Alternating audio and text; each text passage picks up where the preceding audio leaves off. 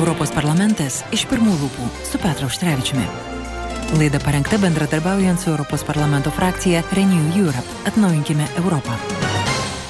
Sveiki, bičiuliai, studijoje prie mikrofono Liudas Ramanauskas, mūsų pašnekovas šiandien europarlamentaras Petras Auštrevičius. Labadiena, gerbiamas Petrai. Labą rytą visiems. Taip, iš tikrųjų, šiandien turime apie ką pakalbėti. Audringa savaitė Europos parlamente nuo Sakarovo premijos įteikimui iki lobizmo ir korupcijos skandalo Europos parlamente. Na ir be jokios abejonės ir devintasis sankcijų paketas. Nuo ko pradėsime? Nuo gerų žinių ar nuo, nors visos tos žinios šiais metais nėra labai geros. Galbūt pradėkime nuo Sakarovo premijos, jo lab, kad iš ties šiais metais metais Sakarovo premija yra skirta visai kovojančiai Ukrainai. Na, iš tikrųjų galima pasveikinti e, ukrainiečius ir Ukrainą su tokiu apdovanojimu, įvertinimu ir dėmesiu. Nes, e, man atrodo, e, pagrindinis dalykas tai žinoma, va, tas dėmesys ir um, supratimas, kurį mes rodome, suteikdami tokį garbingą apdovanojimą, kuris yra pagrindinis, aš noriu pabrėžti, pagrindinis metinis apdovanojimas įteikiamas kiekvienais metais Europos parlamente po na, sakyčiau, labai aršios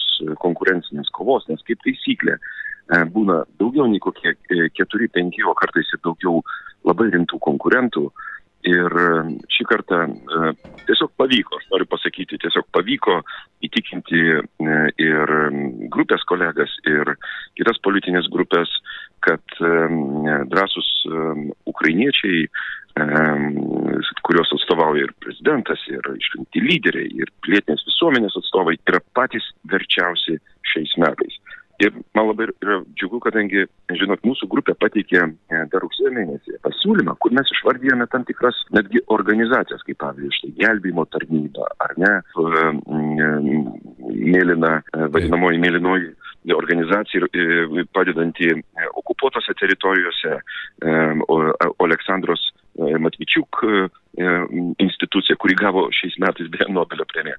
Ir mes specialiai paminėjome, kad kovojant Ukraina yra ne vien tik tai vadovai, bet yra daugybė žmonių, daugybė žmonių ir organizacijų. Todėl dar kartą sveikinu ir čia iš tikrųjų didžiulė garbė. Garbė Ukrainos tautai ir tuo pat metu ne garbė ir nešlovė pačiame Europos parlamente. Skandalas, korupcijos skandalas ir Belgijos teismas, ko gero, atliks savo darbus. Kaip jūs, kaip europarlamentaras, pasijutote išgirdę šią naujieną? Tokiame lygmenėje Europos parlamento pirmininkės pavaduotoja kaltinama korupciniais ryšiais. Aš žinoma, kad tai yra labai nemaloni situacija, nes kai kalbama apie Europos parlamentą, tai atsakoma institucija visas Europos parlamentas. O jūs tenai jau viduje aiškinkitės ir um, nurodykite, kas ten yra iš tikrųjų kalti ir panašiai.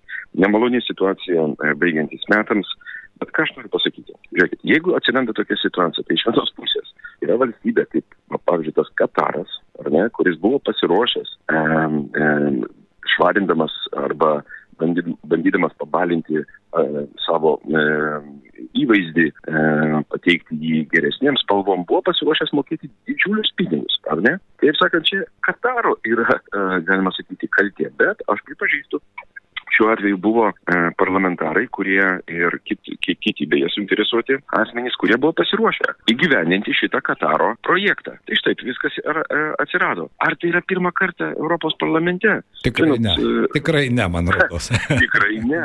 A, aš jums pasakysiu, praeitais, praeitą kadenciją jau buvo beveik žurnalistai atlikę tyrimus ir pateikę vos ne pavardės ir panašiai dėl tokių pačių veiksmų iš Azerbaidžiano. Tuomet buvo, e, reiškia, tenai ir vizų palengvinimo reikalai, ir kiti dalykai sprendėsi, ir labai e, e, Azerbaidžiano valdžiai buvo svarbu, kad vėlgi jie būtų šiek tiek gražiau pateikti viešumoje. Todėl, matot, kur tik tai yra nafto, daug naftos ir dujų kvapo, ir daug ten atsiranda tam, ten dideli pinigai. Beje, Kataras visų futbolo gerbėjų dėmesio centre, bet ko gero netgi tie futbolo aistruoliai mažai žino, jog statydami tuos objektus, tuos stadionus. E, e, yra žinoma, kad žuvo statybose virš 400 darbininkų, kurie, žinoma, iš skurdžių regiono valstybių yra. Bet būtent dėl to tą įvaizdį reikėjo pagerinti ir tai, tam pinigai yra negailimi, be jokios abejonės. Na, tikėkime, kad vis dėlto prieš naujus metus tas apsišvarinimo momentas jis irgi yra labai svarbus. Gerbiamas Petrai, vis dėlto e, pietinių valstybių, ar net dažnokai, tai buvo ir Italija, ir Graikija, ir, na, dažnokai tas toks korupcinio kvapelio šleifas ne vien tik tai brangių kvepalų lydėdavo šių šalių europarlamentarus. Na, būtent. Ir, žinot, tarp kitko atsiranda e, tie dalykai būtent ten, kur e, vienos ar kitos valstybės turi tokias, e, sakyčiau, labai neskaidrės mokestinės e, e, politikas, schemas įvairiausias, ar ne, e, daugybė visokių lengvatų. Tos finansinės lengvatos dažnai susijęmos su taip vadinamu lengvatiniu vizų išdavimu, arba dar, sakykime, leidimų gyventi tose valstybėse išdavimu. Ir, kad, ir kuomet susisieja tie visi dalykai, pinigai su galimybė keliauti Europos Sąjungą, o e, gyvenimas Europos Sąjungai automatiškai atveria visą Šengeno erdvę, tai taip ir prasideda visokios tokios, aš sakyčiau, netgi atvirai machinacijos, suprantat, machinacijos ir bandymai apeiti um, Europos Sąjungos politiką, ieškojimas visokių išimčių, o tuo pasinaudoja, na, kaip e, dzukėjai sako, žulikai, ar ne? Taip. Žulikai tie, kurie arba turi visokių sumanimų, turi pinigo, bet e, e dažnai paskui juos velkasi tam tikras e, šleifas, Na, štai taip ir e, susidaro. Paskui mes patys stebimės, kad e, tie, tie, kuriems suteikiamos to, e, tokie leidimai arba e, naudojasi finansiniam lengvatom, yra apkaltinami e, visokiose skandalinėse, skandalinėse istorijose ir panašiai. Tai kiek jau apie tai kalbam? Kiek jau apie tai kalbam, tarp kitko? Niekaip tokių schemų, lengvatinių vadinamųjų schemų niekaip negalime panaikinti. Vis tiek atsiranda viena, e, viena ar kita, o galbūt netgi nauja sugalvoja. Taip. tą reikia pasakyti.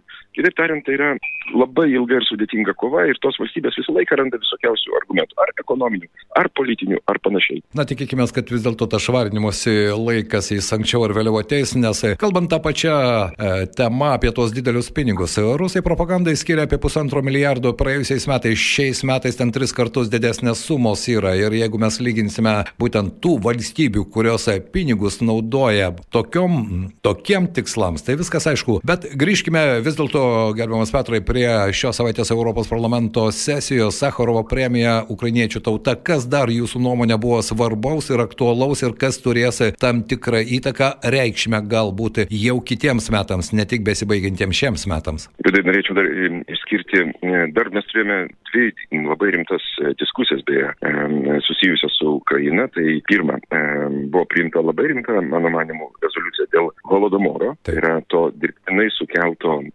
e, bado, badmečio, kurio metu žuvo įvairiais vertinimais, įvairiais vertinimais, nuo 4 iki 10 milijonų žmonių. Tai buvo vienas žiauriausių laikotarpių, tai 1932-33 metų laikotarpis, kuris ypatingai pasireiškia centrinėje Ukrainos dalyje bet, bet ir visur buvo kitur. Ir beje, ne tik tai buvo e, šitas badmetis e, kaimuose, kur viskas buvo susijęs su kolūkių e, kūrimu arba, sakykime, tų stipresnių ūkininkų vertimus stoti į kolūkius ir, reiškia, o kai jie nesutiko, tai vat, atėjo su badu ir, ir su šautuvu jų namus. Žinome šitą istoriją iš savo patirties Lietuvoje.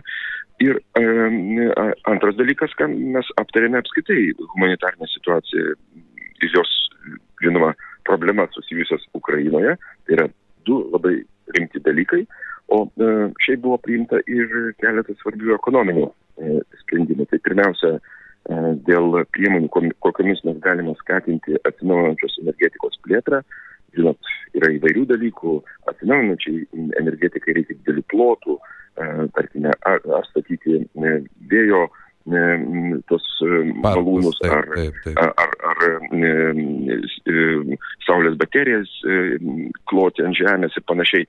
Kitaip tariant, buvo priimti tam tikri sprendimai, kurie e, turėtų paskatinti tų leidimų išdavimą, nes tų leidimų išdavimas kartais tam tikrose teritorijose, kur, tarkime, yra arčiau saugomų teritorijų, užtrunka metų ir metus. Jeigu mes rimtai kalbame apie plėtrą, tai ten yra pasiūlymas iki E, pusantrų metų arba iki metų e, sutrumpinti tas procedūras. Ir aš labai tikiuosi, kad tas atsi, e, bus atspindėta ir Lietuvos įstatymuose arba vyriausybės sprendimuose, kurie turi būti priimti, kad ta plėtra būtų ne vien tik žodžiuose, bet ir darbuose. Taip, bet tai vis dėlto Europos parlamento sprendimas, tikėkime, kad Europos komisija irgi paspartins tą procesą, nes, na, galima sakyti, kad tai karas atnešė ir tam tikrų pozityvių dalykų, taip galbūt negalima teikti, bet vis dėlto tam tikri procesai, jūs sutiksite su manimi, kad jie paspartėjo. Žinoma, absoliučiai, liūdai.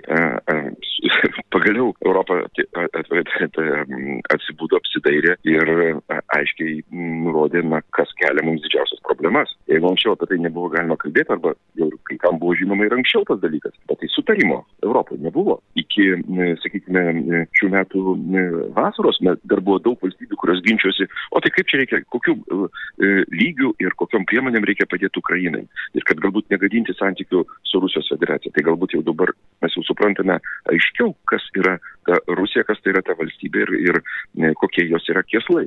O iš kitos pusės, e, e, pažiūrėkite, kiek mes priėmėme rimtų sprendimų, stiprindami pačios Europos saugumą ir dėl greito reagavimo pajėgų kūrimo, ir dėl va, šito Europos taikos instrumento, kurio pagrindu mes finansuojame vat, ir Ukrainos ginkluotasias pajėgas ir panašiai. Tai yra neregėti dalykai.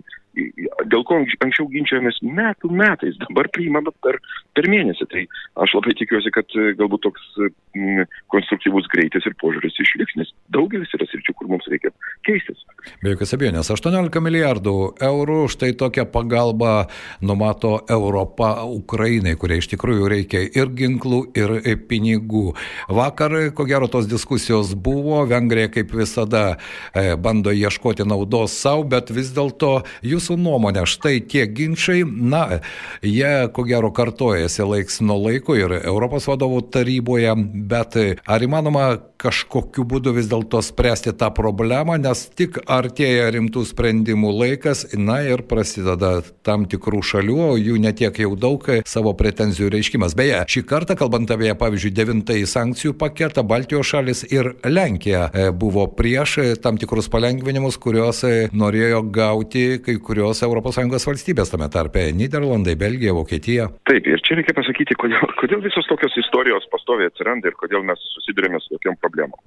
Šioje srityje ES galioja vienbalsiškumo principas. Kitaip tariant, jeigu bent vienas iš 27 staiga pradeda kelti kažkokius klausimus, o tokių mums kol kas netrūksta ir ypatingai tai susiję su, sakykime, e, situacija Ukrainoje. Orbanas yra e, akivaizdžiai e, palaikantis Putiną. Aš nebijau šitų žodžių, galiu juos patvirtinti. Ir štai gaunasi įvairius dalykai. Beje, bet ta važioji istorija apie 18 milijardų, kodėl galų galę pavyko priimti tai.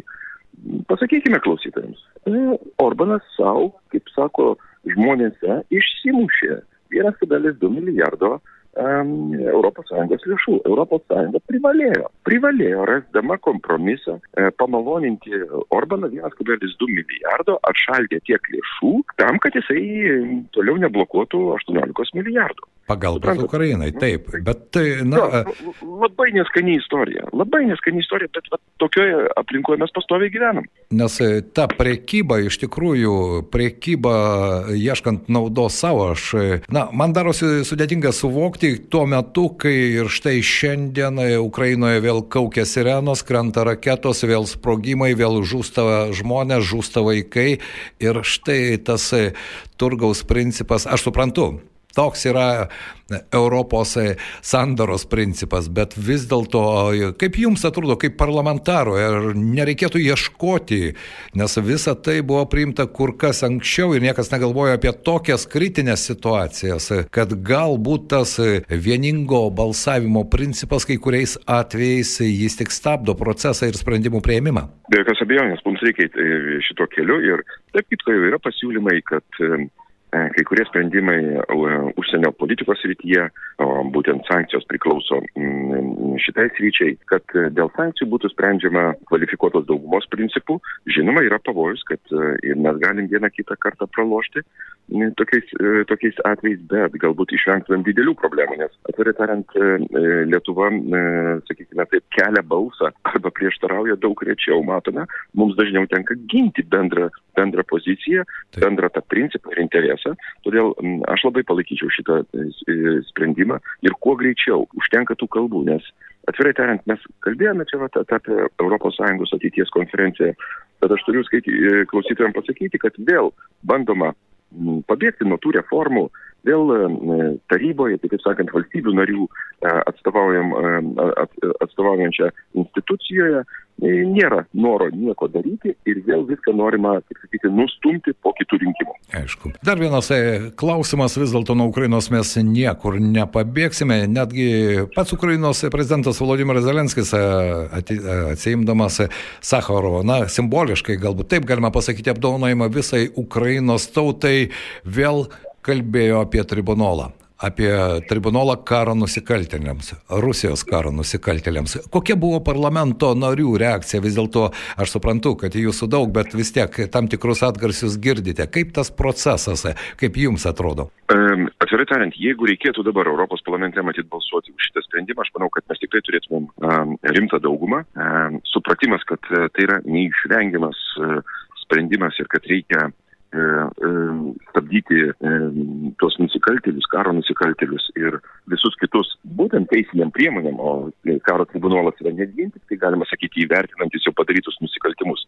Bet žinot, jis siunčia labai aiškę žinę ir tiems, kurie galbūt simpatizuoja ir, ir pasiruošia tokiems nusikaltimams ateityje, kad neišvengsite teisingumo. Tai čia yra labai reikalingas sprendimas, be jokios abejonės mums reikia ruošti tą visą institucinę sandarą viso šito dalyko nes e, panašu, kad reikės kurti atskirą tarptautinį tribunolą šiuo, e, šiuo klausimu. E, Olandai dirba irgi labai rimtai. Galbūt girdėjote, kad Taip. netgi Ukrainos prokurorai ir teisininkai yra jau apmokami specialiai ir panašiai.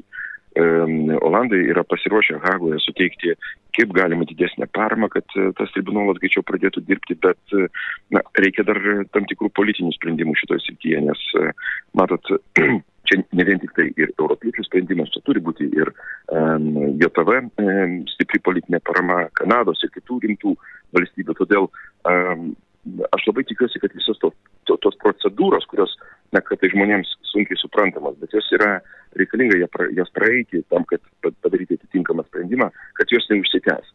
Nes atvirai tariant, aš jau nesutinku tų, kurie prieštarauja, kad toks tarptautinis tribunolas atsirastų ir kuo greičiau pradėtų veikti. Gyvename prieš kalėdinį laikotarpį.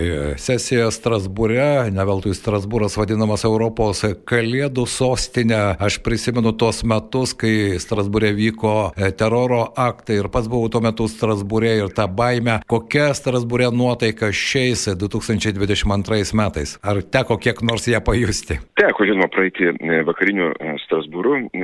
Kunkuliuoja miestas. Na, matyt, sunku būtų surasti labai panašų miestą, kuris na, tiek ruošiasi, tiek investuoja į prieškalėdinį e, laikotarpį, tiek pritraukia turistų ir gauna, žinoma, iš to labai didžiulę komercinę naudą, nes e, nerasi nei e, viešbutyje vietų laisvų, nei, tiesą sakant, kavinėje atsisėsi, jeigu neturi rezervacijos. Kitaip tariant, miestas yra užkištas turistais, bet tarp kitko šį savaitgalį laukiama ko ne pusės milijono žmonių, kurie ten e, atvažiuos į miestą, ar vietiniai, ar atvažiavę turistai ir panašiai. Jūs įsivaizduokite. Strasbūras, nu, panašaus dydžio mažesnis netgi negu Vilniaus miestas. Tai jeigu Vilnius toks, e, jūsų tokia, na, sakykime, komercinė e, kalėdų laikotarpio. Tokia tai- kalėdinė, taip. Tai čia, žinokite, kaip sakyti, labai gera dovana visiems metams. Tai miestas iš tikrųjų pasipuošęs e, ir, nu, nepaisant to, kad Europo vyksta karas, bet matyt žmonės nori to šventinio pojūčio ir gerų emocijų, todėl kunkuliuoja, pasipuošęs,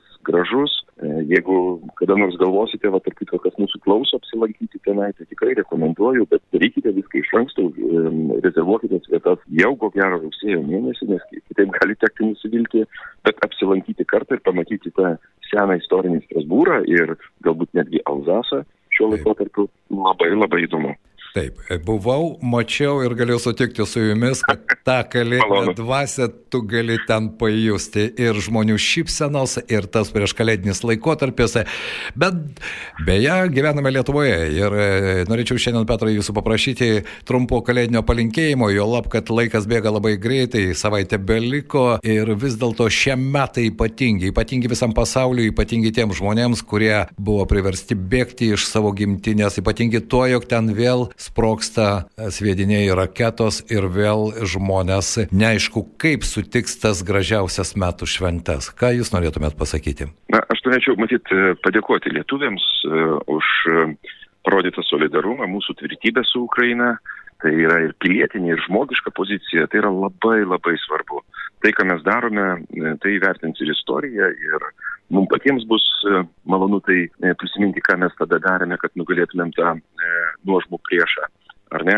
Bet noriu pasakyti vieną, dar šitų pastangų reikės. Neatsipalaiduokime ir ištieskime pagalbos ranką. Padėkime, kuo galime, nes tai yra labai svarbu ir mums patiems, ir žinoma, ukrainiečiams. Todėl noriu padėkoti, linkiu stiprybės, bet esu tikras, kad greitų laikų mes tikrai švesime pergalę. Todėl jaukių, gražių, smagių kalėdų ir iki susitikimų kitais metais. Mūsų pašnekovas buvo europarlamentaras Petras Auštrevičius. Ačiū Jums, Jums taip pat jaukumo ir tikėkime, kad tie sprendimai, kurie priimami Europos parlamente, bus įgyvendinami greičiau ir, na, ateis ta diena, kai visi galėsime pasakyti, mes nugalėjome. Ačiū Jums. Ačiū. Europos parlamentas iš pirmų lūpų su Petru Auštrevičiumi. Laida parengta bendradarbiaujant su Europos parlamento frakcija Renew Europe. Atnaujinkime Europą.